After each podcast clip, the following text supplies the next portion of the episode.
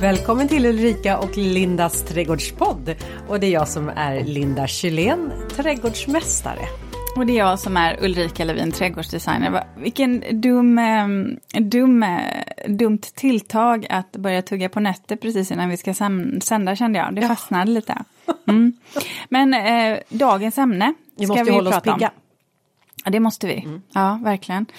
Eh, dagens ämne, det ska ju faktiskt handla om problemväxter och då menar vi kanske växter som har en tendens att sprida sig och ta över och bli invasiva och vad man kan göra åt det och hur man ska tänka och vad man ska använda. Vi kommer också ha en gäst med oss eh, senare in på, eh, i programmet faktiskt från Länsstyrelsen. Ja, och problemväxter handlar inte bara om att det är ogräs i ens trädgård utan också att de stör den biologiska mångfalden.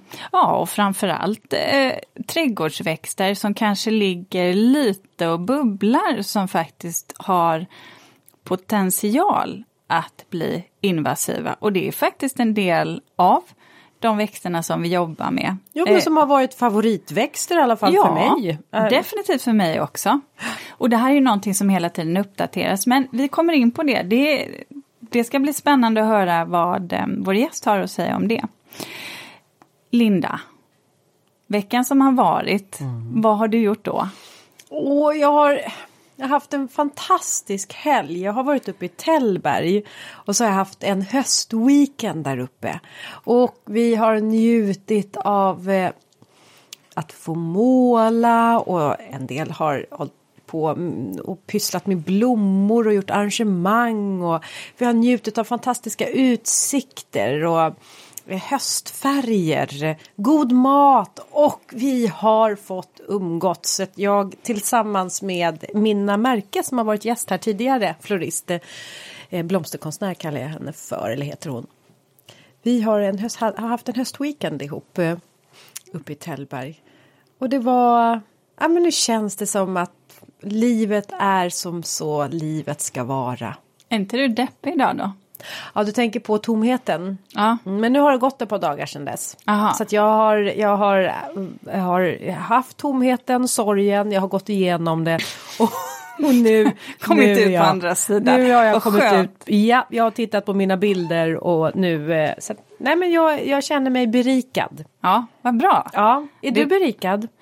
Ja, det är jag. Eh, jag jobbar ju på. Eh, har bara insett att eh, det här med att det har varit ett högt tryck, det känns inte som det slutar bara det, utan jag är inne med bokningar långt in på 2022. Så vill man ha hjälp så får man vara ute i god tid tror jag. Oavsett eh, vem man nu vill anlita. Jag skulle säga vem man nu är, tror jag skulle säga. Men sen så också så är det så roligt för att ja, skolan har ju kört igång. Eh, det vet ju ja, men alla sedan. som har barn eller barnbarn och sådär. Jo, jo, men nu har ju min eh, yngsta dotter precis börjat sexan och de flesta föräldrar vet ju vad det innebär. Det vill säga att man ska läsa ytterligare ett språk och hon har valt spanska.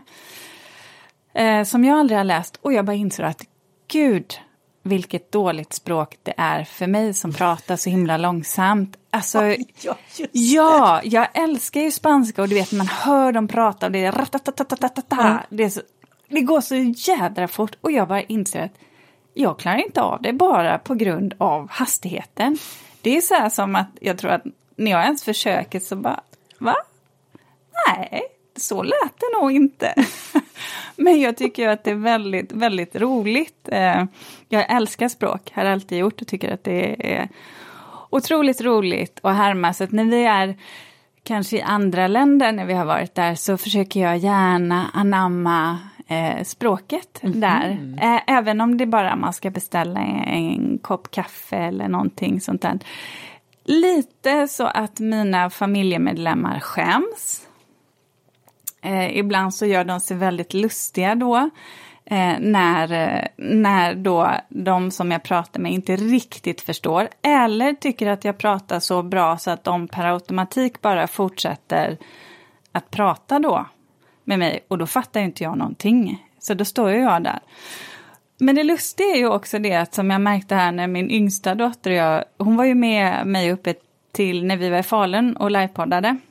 Ehm, att hon har många gånger när vi har kommit in på restauranger och så här i affärer, så jag vet inte vad det är, med folk, de som jobbar då på de här ställena, tror någonstans att jag är en turist, vilket jag kan känna att jag tycker jag ser ganska typisk svensk ut utifrån klädstil och tror hur jag beter mig. Tror de att du är spanjor, spanjorska? Det tror jag inte att de Nej. tror att jag är. du är för lång för det kanske? Jag är alldeles för lång.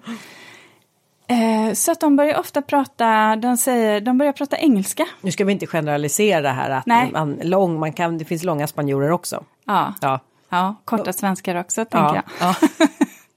men, jag, men, ja, ja, ja, men det är så roligt för att då börjar de prata och så då pratar de, pratar de engelska med mig. Och då var det så att vi var på en italiensk restaurang uppe i, eh, i Borlänge då, där vi bodde. Och då pratade eh, han som ropade, eller liksom som stod servitören där, han eh, pratade engelska. Eh, jag pratade faktiskt svenska initialt, men han svarade hela tiden på engelska. Och per automatik då, så går jag ju över till engelska.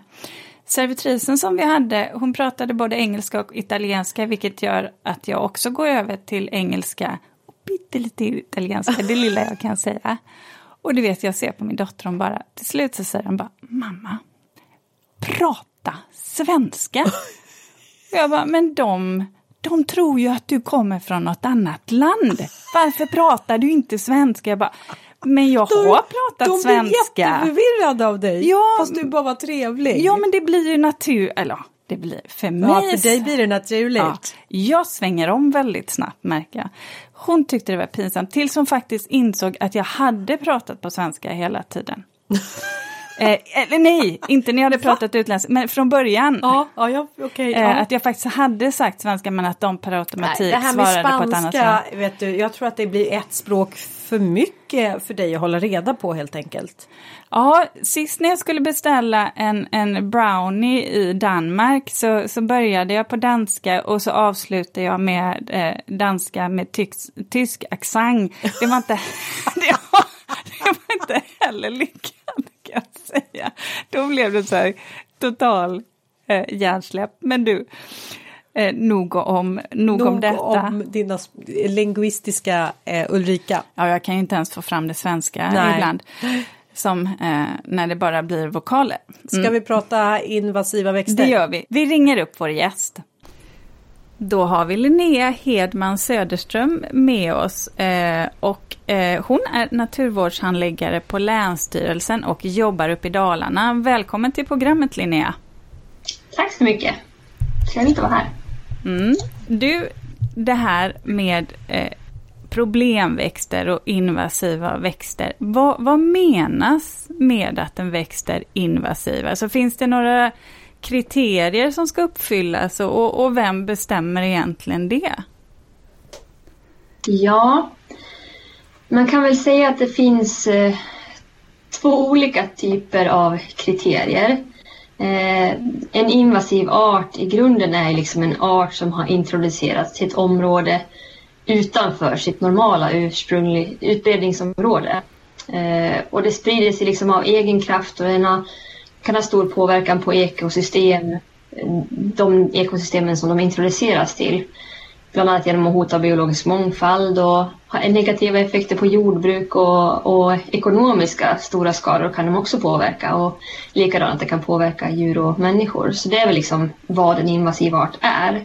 Mm. Eh, sen så kan man liksom säga så här, den kan, den kan både ha introducerats avsiktligt eller oavsiktligt. Så det är också liksom någonting som om den, eh, om den introduceras oavsiktligt, hur tar den sig till alltså, vidare? Är det med, med djur eller är det? Ja men precis, eller oavsiktligt. Jag menar man har, man har stora fraktcontainerfartyg som man tar in som bara lastvatten och sen så kommer man fram till hamn och så ska man tömma ut det. Det är väl en slags oavsiktlig, man har inte för avsikt att sprida invasiva arter medan en avsiktlig spridning kan vara en trädgårdsväxt som man importerar mm. eh, och planterar i sin trädgård. Så det är väl liksom man kan säga de här eh, oavsiktliga eller avsiktliga eh, introduktionsvägarna. Mm. Och de här kriterierna då, finns det några kriterier som, som, som en växt till exempel måste uppfylla för att faktiskt räknas som invasiv? Ja, men då har vi de här EU-listade arterna. Ja. Eh, som, som är vissa arter och det, det är liksom framtaget eh, i EU-sammanhang. Och sen så har vi de här svenska arterna som, som kanske i övriga delar av Europa inte är invasiva men som man i Sverige anser som invasiva. Eh, och det man kan säga om de två det är väl just att den här EU-listade arterna där finns det lagstiftning som reglerar eh, hur man får använda de här. Alltså det är förbjudet att importera, sälja, odla, transportera, använda och byta och, och sätta ut i naturen. Eh, Medan de här svenska arterna som man ser på, det finns på den här svenska listan, de har idag ingen lagstiftning runt sig. Utan där finns det liksom bara rekommendationer att eh, man inte ska sprida dem eh, något mer än, än de sprider sig ändå. Um, vilka, det, vilka växter skulle det kunna vara? Ja, men det är lupinen, eh, parkslide är också med på den här svenska listan eh, som jag tidigare har varit en, eh, en eh, trädgårdsväxt som man har tyckt varit fin och som har introducerats den vägen. Ehm, de här, vissa av arterna pratas på att man ska ta in, de som finns på den svenska listan då, är det diskussioner om att man ska även reglera i lagstiftning, men i svensk lagstiftning. Men så långt har man väl inte kommit att eh, det finns någonting, något förslag än. Ja, vem är det egentligen som bestämmer om vilka växter som hamnar? Är det ni på Länsstyrelsen eller vem, vem är det så att säga? Ja, eh, det är liksom eh, man får ge förslag. Nu ska jag säga, det är Naturvårdsverket som har, vi har ju som eh, fått uppdraget av Naturvårdsverket att reglera och kolla lagstiftningen och sådär. Eh, så Naturvårdsverket samlar vi liksom in åsikter och sånt där och sen så är det liksom varje land som då får, får ge förslag eh, och sen så är det någonting som EU bestämmer och uppdaterar. Den här listan ska ju uppdateras. Jag tror att det är varje eller vartannat år i alla fall. Eh, med om det är några nya arter eller om det är samma arter som, som är på den här EU-listan. Då. Jag är lite osäker på om det är varje eller vartannat år. Mm. Men jag kan ju tycka som en växt som lupin att inte den då är en som är listad eh, utan mera som ett förslag på att den ska komma in då på listan uppfattar jag det som. Men den tycker jag ju ändå med tanke på att det är en kvävefixerande växt så, så, så um, tar den ju och förändrar ju växtbetingelserna så att på det viset mm. alltså, gör jorden mer näringsrik så att ängsväxter då som naturligt växer på platsen eh, får en, en växtplats där de inte trivs helt enkelt. Och då kan jag ju mm. tycka att det finns ett ännu allvarligare, inte nog med att den sprider sig väldigt kraftigt utan den ändrar också växtbetingelserna. Mm. Finns det grader Precis. i eh, hur man tittar på de här växterna? Ja, precis. Finns det olika nivåer på hur farlig man anser att en växt är? Jag menar, och för tittar jag i våra trädgårdar så kanske vi tycker att kirskål är väl ändå en invasiv växt. Men den anser man då inte att den gör sådan skada så att då låter man den vara. Nej, och jag vet faktiskt inte riktigt hur man gör den här graderingen eller vad man ska säga, vilka som lyckas bubbla in på de här listorna. Eh, jag tänker så här, EU-listan det ska ju vara eh, arter som, som finns i EU-unionen och man ser liksom till EU-helheten. Eh, Medan den svenska listan eh, där ser man ju till vad som eh, utifrån Sverige som eh, område är invasivt. Mm. Ehm, så, så det kan ju vara att det är olika saker som kanske är inhemska i vissa områden i Europa men som skulle kunna göra väldigt stor skada i Sverige som eh, ja, kvalificerar sig in på olika, eller kanske den svenska listan då, men inte på den europeiska. Mm. Jag, tror, eh, jag tror om jag minns rätt nu att det finns bra, det här kan ni googla kära lyssnare, men på art, eh, risklistan, Artdatabankens risklista, där ser man också lite hur man har eh, vägt de här olika ja, eh, nivåerna mot varandra. Den tyckte jag var intressant. och där tyckte jag att det också blev spännande för på den här listan så inser man ju att det är ganska många av våra vanliga trädgårdsväxter, precis som du sa om lupinen Linda, som verkligen balanserar på gränsen där. Eh, och som jag faktiskt till viss del blev lite förvånad över. Och det jag inser också är ju, det är ju det här att klimatet ändras ju. Och där är det ju så att det kan ju faktiskt vara så att en växt som, som nu inte är så farlig eh, i Sverige kan bli det. Och jag tänker också att det kan finnas målkonflikter egentligen om, vi pratade ju tidigare innan Eh, här Linda om till exempel fjärilsbusken som man pratar om att det är en superbra växt för, för pollinerare till exempel. Men i, i eh, mellersta Europa och du nämnde eh, Storbritannien så räknas det här ju som en väldigt invasiv växt. Så Linnea, finns det något tänk kring det? Alltså funderar man någonting på, ja men vad, vad, finns det några klimatscenarier när man gör de här, Eh, när man tittar på invasiva eller växter som kanske kan komma att bli invasiva? Ja, så jag tror lite att det är så man resonerar också. Eh, att man måste ta hänsyn till eh, klimatförändringarna att vi kommer få ett annat klimat. Eh, så att de som är invasiva eh, idag kan, kommer ju sprida sig ännu mer eh, medan de som inte är invasiva de kommer kunna få helt andra förutsättningar för att trivas eh, här än vad de haft tidigare. Eh, så jag tänker att det är någonting som man verkligen måste tänka på när man, eh, när man liksom ska planera inför en framtid. Ehm, det märks ju också hur, hur arterna sprider sig i Sverige bara. Alltså man ser ju introduktionen i södra Sverige där väldigt, väldigt många eh, arter på de här listorna finns jämfört med norra delarna av Sverige där de inte har kommit. Eh, och det kan ju delvis bero på att den inte trivs idag. Eh, men den kanske trivs om tio år och då har vi helt andra problem. Det är ju många som liksom inte har tagit sig upp kanske till fjällregionerna som trivs på grund av att det är ett helt annat klimat där. Mm. Eh, och det blir liksom så att man får tänka att eh, klimatet kommer ju påverka vilka arter som, som är invasiva i framtiden. Jag tänker på fjäderborstgräs är ju ett sånt där ettårigt prydnadsgräs som både jag och Ulrika tycker är väldigt vackert att ha i både krukor och rabatter på sommaren. Men där vet jag ju att den är ju, eh, finns ju med på EU-listan.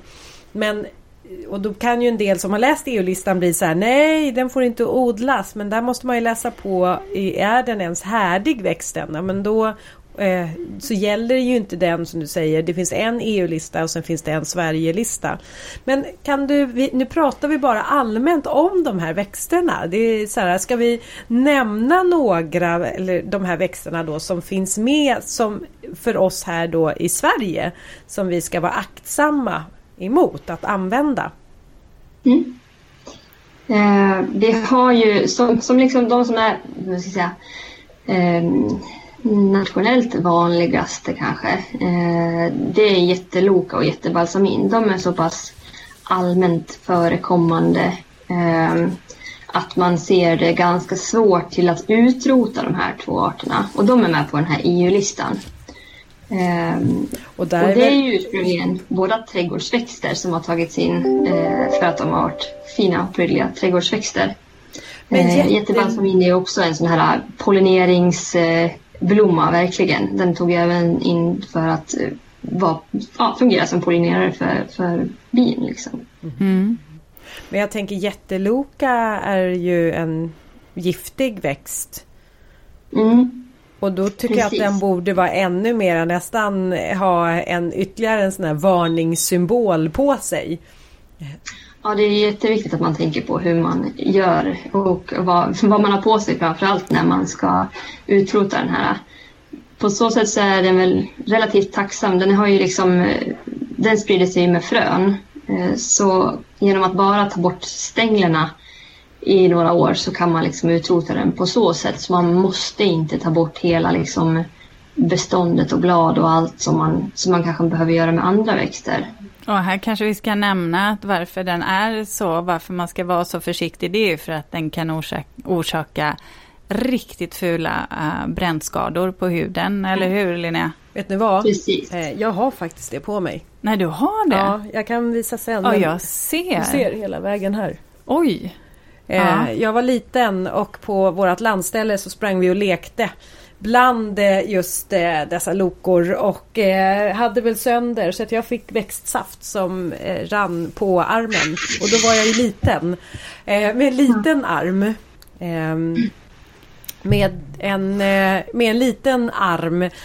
Så det var väl inte så mycket men det här har blivit sån R, R så att det, mm. det har jag med mig. Så att jag är liksom, har en, en, det har runnit på min arm helt enkelt. Mm. Ehm, så att det, jag vet precis. Men Får jag, får jag bara flika in det? För ja. det är ju en, eh, en annan växt också, jättebalsamin va? Mm. Ja. Den, den och, och, för det vet jag att min, min svägerska och svåger, de eh, har det i närheten av där de bor, eh, direkt utanför tomten. Så att de går faktiskt och plockar bort det här. Är det någonting som man kan göra åt vissa av de här växterna för om de finns ute i naturen där en bor? Eller är, kan det också vara dumt? Kan man riskera att sprida dem och hur ska man hantera sådana här lite invasiva växter på ett bra ja, sätt? Precis, det är väl just det där med hanteringen är ju jätteviktig för att inte man ska sprida dem.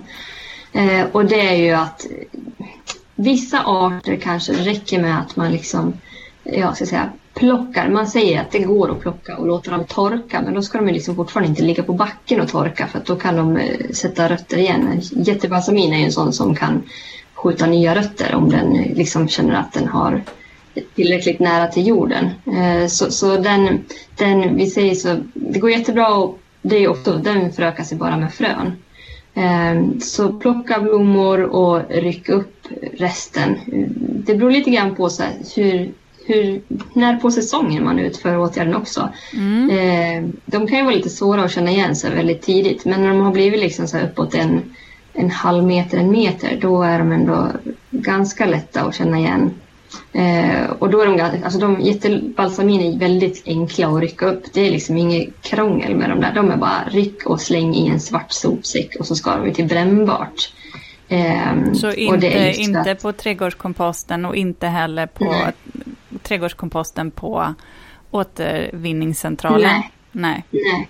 De kan ju liksom gå i blom och så hinner de där, eh, även fast de inte har kontakt till jorden så kan de hinna, hinna få sina frön och där kan man räkna med en planta eh, jättebalsamin har 5 800 frön. Så oh. alltså, det är ett, ett nytt bestånd på en, en planta liksom. Ja, ehm. det känns ju lite hopplöst. Mm. Ja. Men, men det, den, är, den är liksom ettårig så jag, jag tycker att eh, plocka blommor och rycka och släng i sopsäckar i den utsträckningen det går. Mm. Eh, och gör, alltså gör man det tidigt så hinner det kanske förhoppningsvis inte gå i blom och då, då kommer man ju ganska långt på det också. För det finns ju en risk. Jag, jag, tycker att jag har sett mycket av eh, just till exempel jättebalsamin då. Eh, kanske uh, ja, men där man har sitt landställe. Eh, man rensar men man eh, man har så mycket mark och så mycket tomt så vi slänger bara mm. den lite, lite bortanför huset. Eh, och på mm. det sättet så bildas de här bestånden kanske på baksidan av ens, ens torp. Eller. Men sen tänker jag också på, jag var uppe och körde i Värmland här för ett par veckor sedan. Och vilka fält av just då balsamin, sprätt iväg kallar man den också ja, för, ja, i mm. folkmun. Men, alltså det var ju det ja. var först insikten av vad de kan ställa till. Och hur snabbt det går. Ja. Det var ju precis som du sa Linnea, att det kan gå så fruktansvärt fort. Mm. De har en sån livskraft i sig. Det här ja. är ju någonting som jag också märker när jag är ute eh, på jobb eh, och träffar nya kunder. Och när jag själv då, eh, eftersom jag springer mycket och gillar att vara ute i naturen, jag lever ju trots allt i en väldigt urban miljö. Det jag märker är ju att många trädgårdsägare faktiskt, eller många, en del trädgårdsägare använder allmänningar eh, som mm. komposter. Som sen är. Och det tycker jag är, det är ju, det är ju faktiskt ett jättestort nej för mig oavsett. Mm. Man får någonstans ta hand om sin egen skit. Mm. alltså det skräpet man har i sin egen trädgård, det får man faktiskt köra till tippen. För att det är ju så att det är inte bara de här växterna utan det finns ju andra växter som vi kanske mer använder dagligdags som vissa Ja men det kan vara löksorter, det kan vara praktlysing, alltså det finns, det finns många trädgårdsväxter också som, som faktiskt riskerar att föröka sig ganska ordentligt. Gullris. Ja. Har du mm. några sådana där trädgårdsväxter, Linnea, som du tycker att, ja de är inte kanske med på listan men ja, du skulle inte välja att använda dem om du nu har trädgård, det vet ju inte jag. Ja, jag, jag har trädgård men våra som vi köpte, vi köpte hus förra året och de som bodde här innan oss de, de hade inte så mycket saker så jag har fått försökt att eh, se vad man kan ha i sin trädgård. Ah, ja, alltså, men det jag tänker på det är just typ gullris. Jag ser ju liksom många grannar, de har gullris och lupiner i sin trädgård för de är så fina. Eh, ja. De har olika sorters. Ja, och jag, jag, tänker också på det här just praktlysningen. Det, det vet jag när jag kommer till många gamla trädgårdar. Som, vi pratade lite om gammal trädgård mm, eh, i ett tidigare avsnitt här. Och en växt som jag garanterat säger har i princip tagit över alla perenna rabatter, det är faktiskt praktlysingen. Den kan ju vara helt hopplös eh, och väldigt, väldigt effektiv eh, på att ta över markyta. Ehm, och, ja, och där kan det finnas, det finns ju faktiskt en fin sort av de här som heter vitlysing som jag tycker är väldigt vacker. Men där, där brukar jag göra så att jag kanske snarare planterar dem i kruka eller i kärl. Eh, och sen får man ju alltid vara så när man har, när man har invasiva växter, eller inte invasiva, men växter som lätt tar över eller sprider sig. Att som trädgårdsägare så får man ju faktiskt vara lite om sig och kring sig och ibland klippa av fröstänglar, ta bort plantor som inte ska vara eh, där de har spridit sig. Ja, jag tänker lite så här också. Eh, det är inte alla som har det här eh, trädgårdsintresset. Eh, och gör man inte det så är det ju liksom, det kan ju hamna hos grannen som inte har vetskapen eller kunskapen eller, eller sånt där heller. Som liksom, ja det får väl växa fritt där. Och sen så har man liksom ett stort bestånd som ursprungligen kommer från en själv. Så det är väl jättebra att man tänker på att, eh, att det finns andra som inte har kunskap eh, och sådär också. Att man då får verkligen föregå med gott exempel. Att man liksom håller, håller innanför sin egen tomt. Eh, men jag kan också tycka att det inte alltid är så enkelt därför att om man går till en trädgårdsbutik så, så säljs ju vissa av de här växterna ja, fortfarande. Mm, och då, då, blir det ju någonstans så har man ju som konsument mm. Jag menar du har inte själv importerat eller köpt på nätet utan du har gått till en butik där du litar på att det här sortimentet som finns eh, det är ett okej okay sortiment att plantera. Vilket det är eftersom de finns inte med på någon lista. Nu tänker jag på, jag tror att jättedaggkåpa är en sån som är en bubblare också. Men den säljs eh, och då undrar jag Bör man liksom ta ett ansvar som eh, växtförsäljare att inte sälja de här växterna eller i alla fall eh, med en liten varningstriangel på. Exakt, så att, eh, en varningstriangel. Ja, varning, ja, någonstans att det här är en, en växt som ja, men lätt tar över. För att, eh, jag menar, det är ju som du säger, det är ju inte lätt om man inte har koll. Om man kanske, alltså det är så mycket man ska läsa på när man ska köpa växter. Man börjar väl med mm. läge och, och sen så ska man dessutom ta reda på är den okej okay att odla fast den säljs i en butik. Så att hur, hur, mm. hur möter man upp det? Ja, det är intressant. Ja, det är jättesvårt det där just eftersom att det inte finns någon... Jag menar, vi är tillsynsmyndighet för de här EU-listade arter, arterna. Och sen så har ju vi bara rekommendationer för de här svensklistade arterna än så länge. Ja, för det eh. finns bara två som är listade som vi sa. Det är jättebalsamin och jätteloka eller? Eh, det finns ju flera men det är ju inte så många som finns i Sverige. Gul skunkkalla är ju en sån art som Just finns det. på EU-listan mm. som finns i södra delarna av, av landet. Eh, mm. I Dalarna vet jag att vi har ett fynd bara. Tack och lov. Men det, det, det, finns jättebra med information på det sättet på Naturvårdsverket, eh, på Naturvårdsverkets hemsida. De har liksom alla de här listorna EU-listan som de kanske framförallt eh, jobbar med. Men även den här Så ditt svensk... förslag eller tips det är att man går in kanske på Naturvårdsverkets hemsida och sen så tittar mm, man på vilka som är bubblare. Eh, vad ehm, eh, Jag tänker på något som jag hörde på er hemsida som jag tyckte var så bra. Det var just det att vi vill skapa en biologisk mångfald och inte en biologisk enfald. Den tycker jag man kan suga lite på den och fundera på. För det är ju ett ansvar som vi har när vi odlar. Men eh, de här då eh, som är eh, listade som vi inte ska odla. Hur, hur, gör man om man nu stöter på en jätteloka? Hur gör man? För den vill man ju inte ta i själv eftersom den är så pass giftig. Eh, hur gör, ska, kan man kräva av kommunen att komma och mer eller mindre sanera eller vad, vad gör man? Gör man det själv eller anlitar ja. man någon? Ja, precis. Alltså det här ligger på markägaren eh, att veta vad man har för arter eh, på sin fastighet. Eh, så, så är man markägare och har en jätteloka på sin mark, då är det du som markägare som är skyldig att ta bort den.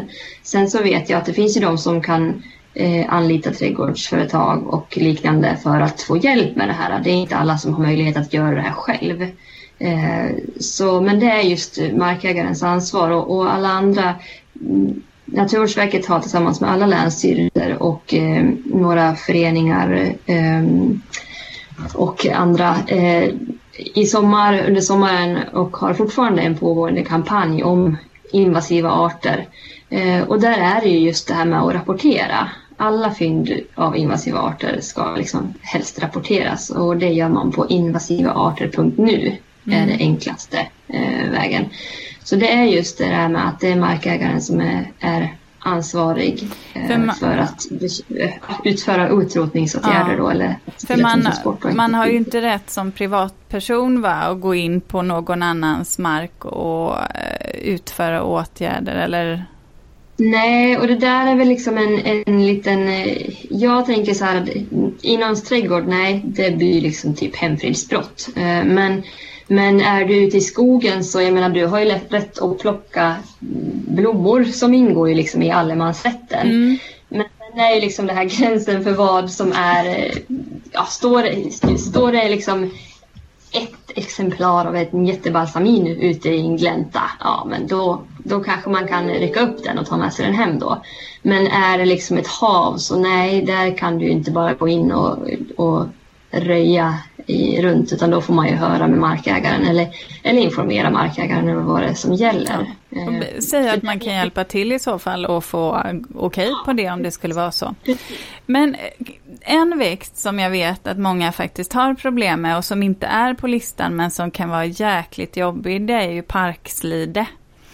Mm. Och det här kan ju vara lite kruxigt just det här också när det växer i ens trädgård och eh, det också kanske finns på grannens trädgård. För att mm. eh, där ska man ju egentligen göra en gemensam insats för att få bort den. Men här har jag eh, hört lite olika eh, råd, Linnea, om hur man ska göra. Om man verkligen ska ta bort den, om man bara ska begränsa så att den inte sprider sig vidare. För att det här verkar vara en riktig rackare ja. på att eh, kunna skjuta ut eh, nya rötter och minsta lilla del kan bli en ny planta. Så vad gör alltså man? Vi, ja, vi går efter Naturvårdsverkets rekommendationer och det är att, eh, som det ser ut idag i alla fall ska jag säga, det är att har du liksom inga besvär eller hur man ska, hur man ska mena då, då ska du inte göra någonting åt det. Och det beror framförallt idag på att det inte finns några bra utrotningsmetoder. Eh, den är, det är precis som du sa, den är så, så potent till att sprida sig. Det krävs så lite som 0,7 millimeter av en rot för att det ska bli en ny planta. Och att liksom gå igenom så mycket jord själv hemma för att utrota den, alltså den det, det, är ju i princip helt omöjligt. Ehm, så, så idag så det, det pågår mycket forskning för att hur man ska eh, på ett bra och effektivt sätt kunna utrota den här. Ehm, men som det ser ut idag så, så rekommenderar vi inte någon till att utrota den om det inte är ett problem. Och, och det här med problem kan man väl diskutera. Ehm, jag brukar säga så att ofta, många gånger så vet man ja men den har stått där längs den här väggen i, i 10 eller 20 år och den har aldrig dragit iväg. Nej men då, då kanske man inte har ett problem. Men eh, är det så att det liksom blir stora bestånd och den, den, bara vill iväg överallt, ja men då kanske man måste i alla fall börja med att begränsa eh, så att den inte drar iväg ytterligare och sen så kanske det är att man, sista steget kanske är att man måste eh, försöka få bort den då.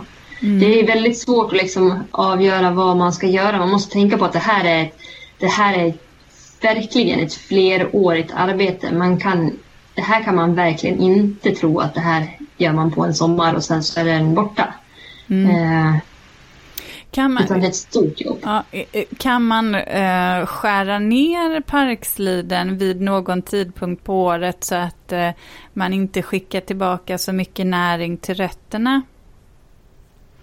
Jag har lite dålig koll på hur den funkar rent eh, sådär. Mm, jag, men, tror, jag tror men, att det finns eh, ja, info men, på Men det står jättebra information på på Naturvårdsverkets hemsida. Mm. De har en hel, en hel sida tillägnad parkslide ja. och faktiskt alla de flesta andra arterna också som är både på svenska listan och på EU-listan. Då rekommenderar vi alla lyssnare ja. att gå in i Naturvårdsverket helt enkelt. En Precis, och de, ja. de kommer ju liksom med bra forskning. Jag tänker så här, om det kommer några nya rön över vad det är som man ska göra då, de uppdaterar ju allt eftersom hela tiden. Eh, om det kommer ny forskning över nya utrotningsmetoder eller någonting annat så så det är på den sidan som det kommer ut först, tänker jag. Så den är jättebra att hålla lite koll på om man vet att man har parkslide eller vet någon annan som har parkslide i sin trädgård. Mm. Ja, för det är också bra att veta, för jag tänker eh, som syren som jag blev lite förvånad över, den är ju också en liten sån där bubblare. Eh, mest för att den faktiskt har börjat fröså sig också nu.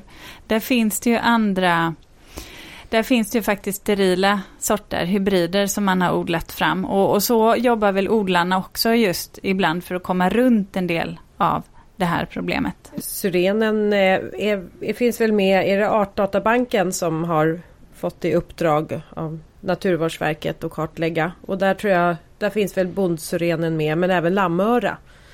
Och mm. vresros finns också med där som inte är någon fara idag men som kan vara en, en risk. En taggrackare. Ja, en taggrackare ja. Linnea, har du någonting mer som, som du skulle vilja förmedla till våra lyssnare som vi som trädgårdsägare ska ta med oss eller som yrkesverksamma för den delen?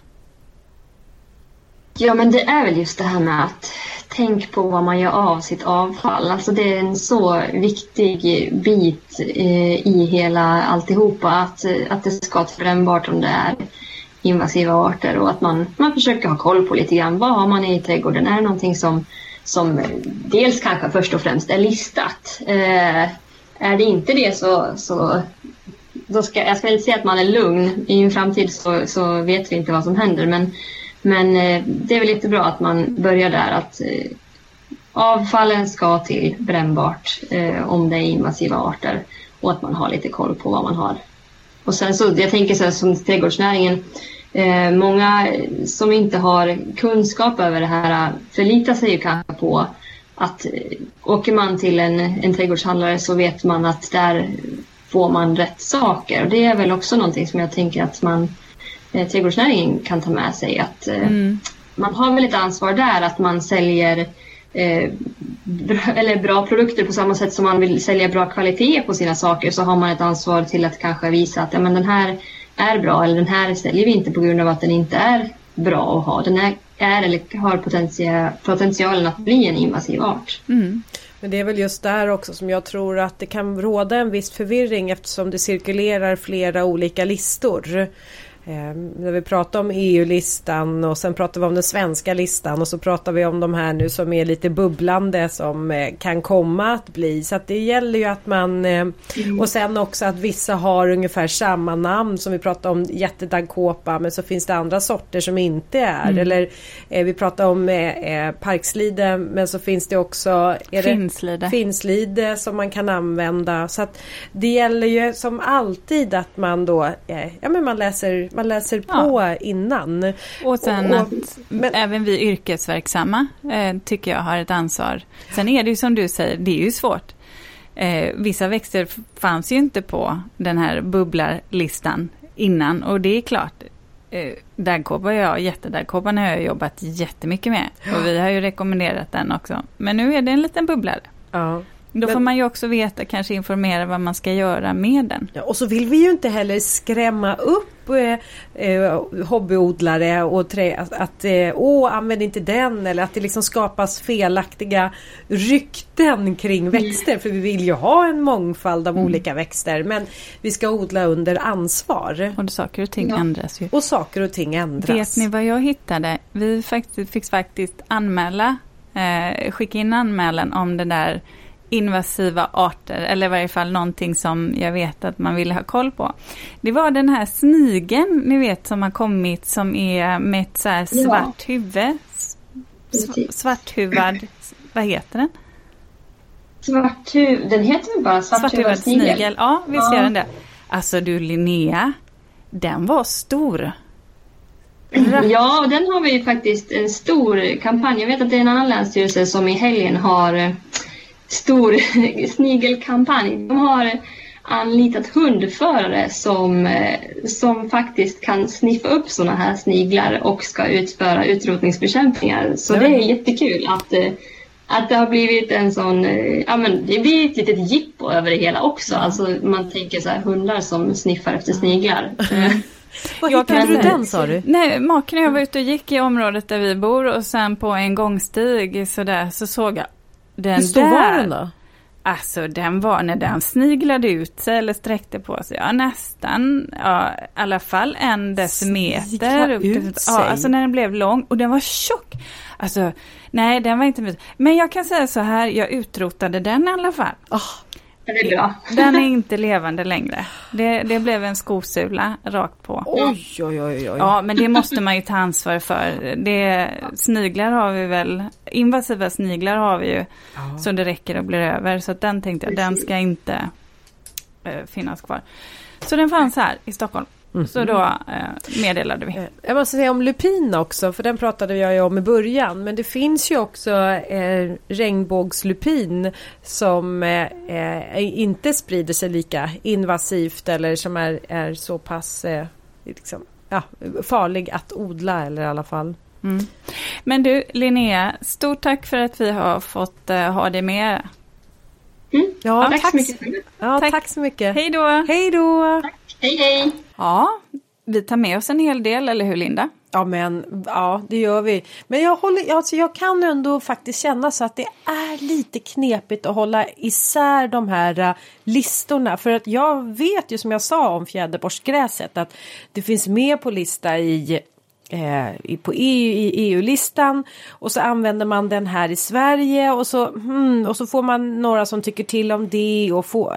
Alltså det är en viss förvirring med de här listorna. Jag skulle vilja att det var klarare, så här, tydligare. Ja, och jag läste också risklistan nu i och med att vi skulle göra det här programmet och, och blev, kände ju direkt så att åh, ja, men de där växterna har jag ju ändå jobbat en del med. Vissa har ju högre risk och vissa har ju en lägre risk så att här får man ju vikta vissa saker mot varandra och jag vet ju också erfarenhetsmässigt att vissa växter ändå inte sprider sig om de har vissa förhållanden. Det beror ju på naturligtvis om de sprider sig med rizomer, det vill säga rot. Löpare. Ja. Eller om vi pratar fröer. Så mm. att eh, ja, jag håller med dig. Men det, det, här är ett viktigt ämne och jag tänker att det här är för att vi ska upplysa våra lyssnare om att vara observanta och ha lite koll. Ja. För det är ju det mycket våran podd handlar om, att ja. sprida kunskapen och, ja, men, och, och, och lyfta tänker, olika eh, liksom, viktiga ämnen. Ja, och jag tänker också den gröna näringen och även vi då som faktiskt är verksamma och jobbar mycket med växter och föreslår växter att, att den ändå försöker vara lite nogsam med det där. Mm. Eh, att faktiskt. vi också har ett ansvar ja. Ja, mm. och sen använd inte allmänningar eller naturen som eh, privata soptippar. Det, nej, det ska man inte göra. Du, Linda, Ja. Vi, vi avrundar. Eh, Som vi brukar va? Ja, och vi kör en reflektion. Ja, jag är så glad för att de här senaste gångarna vi har poddat så har jag haft faktiskt reflektioner. Jag vet, det är det första du har sagt till mig när vi har ja, träffats. Här. Jag har en reflektion. Jag, reflektion. jag är så glad ja. att jag har det. Men det har jag faktiskt. Och den här gången hänger en reflektion ihop med mina resor som jag har gjort. Ja. Nu, för nu har jag ju varit nere i, i liksom södra Sverige, jag har varit nere i Helsingborg och sen har jag varit eh, uppe i, i Dalarna och Värmland och Vemdalen och så bor jag ju här i Stockholm. Och då har jag märkt någonting och det är att av någon anledning, men ju högre upp i landet man kommer desto färre inramningar med häckar har tomter och trädgårdar. Ja. Har du tänkt på det? När du säger det, ja. Och jag blir så, för jag menar åker man ner till Skåne till exempel, där är ju, alltså det finns ju knappt en trädgård som inte har en inramning av häckmur, liksom, häck. Mur, någonting. Mm. Och det säger ju sig självt såklart att det har med vinden att göra. Eh, här uppe i Stockholm är det väldigt vanligt också. Det kanske har mycket med insyn att göra för att vi är så många som bor ja, och trängs här. Liten yta. Ja, man vill vara fredad. Men sen när jag kommer uppåt då, eh, ja men eh, Vemdalen eller låt säga Dalarna, så har jag faktiskt märkt att där har man inte alls samma samma häckkultur. Det stämmer ju och det tänker jag på att Nej, det är ju en sak när man har kanske lite större tomter, vilket inte är ovanligt att man har, men det finns ju ändå Eh, precis som i, i, en större stad så är, finns det ju ändå samhällen där, eh, där man så att säga, där husen ligger nära varandra. Det är, så är det ju många nybyggda områden som till exempel i Vemdalen där du bor. Ja, men, och jag där till... ligger ju husen väldigt tätt. Ja, och jag har till och med sett så gräsmattor två olika tomter eh, som är grannar men gräsmattorna går ihop med varandra.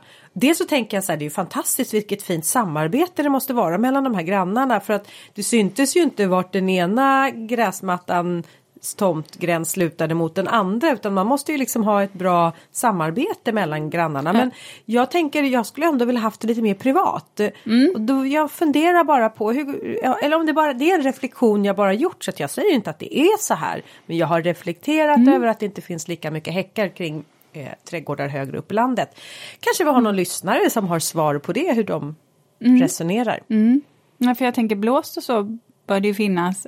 Men kanske ändå inte lika mycket Några. eller om det är mycket snö. Jag vet inte. Jag bara en reflektion. Nej, och sen så tror jag också att det har lite, alltså att det kan vara lite eh, kulturellt betingat, alltså utifrån orten man bor på, tradition.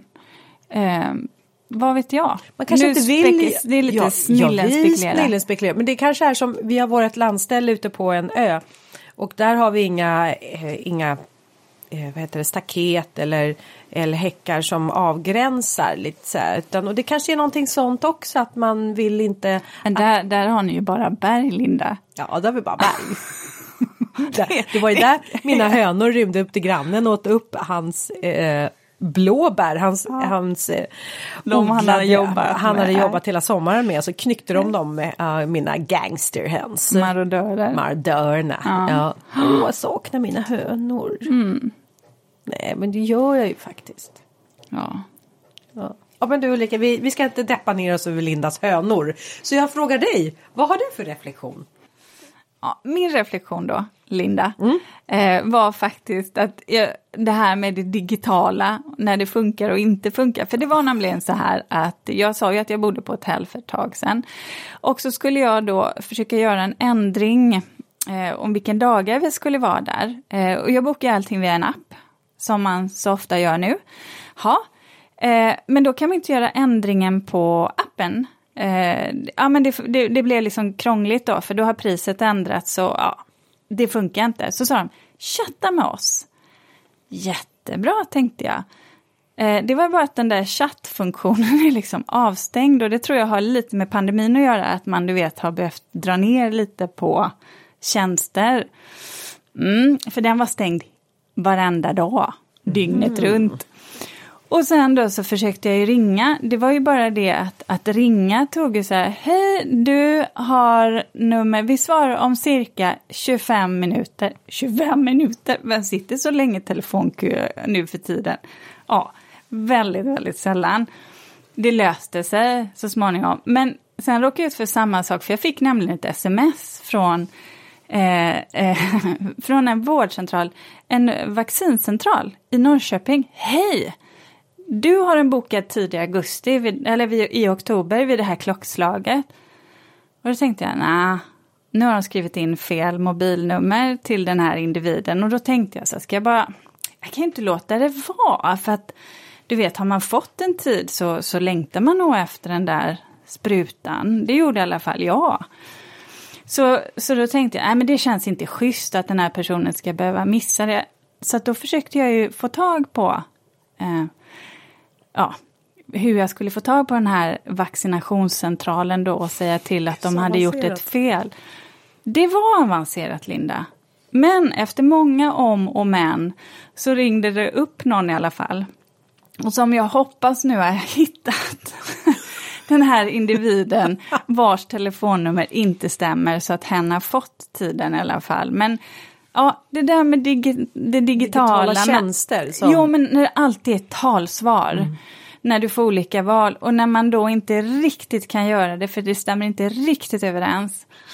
Alltså snark, mm. vad krångligt det kan bli. Mm, jag förstår, ja. då blir man frustrerad och det finns ju ingen där som man kan bli frustrerad nej, nej, på. Nej, men chatta å andra sidan, med dem. Oh, chatta med dem, tjena! Mm. Tjena, tjena, chatta ja, på men dig. Men å andra sidan, det löste ju fa faktiskt sig the old fashion way, det vill säga jag pratade med en, människa till slut. Ja, det är bra.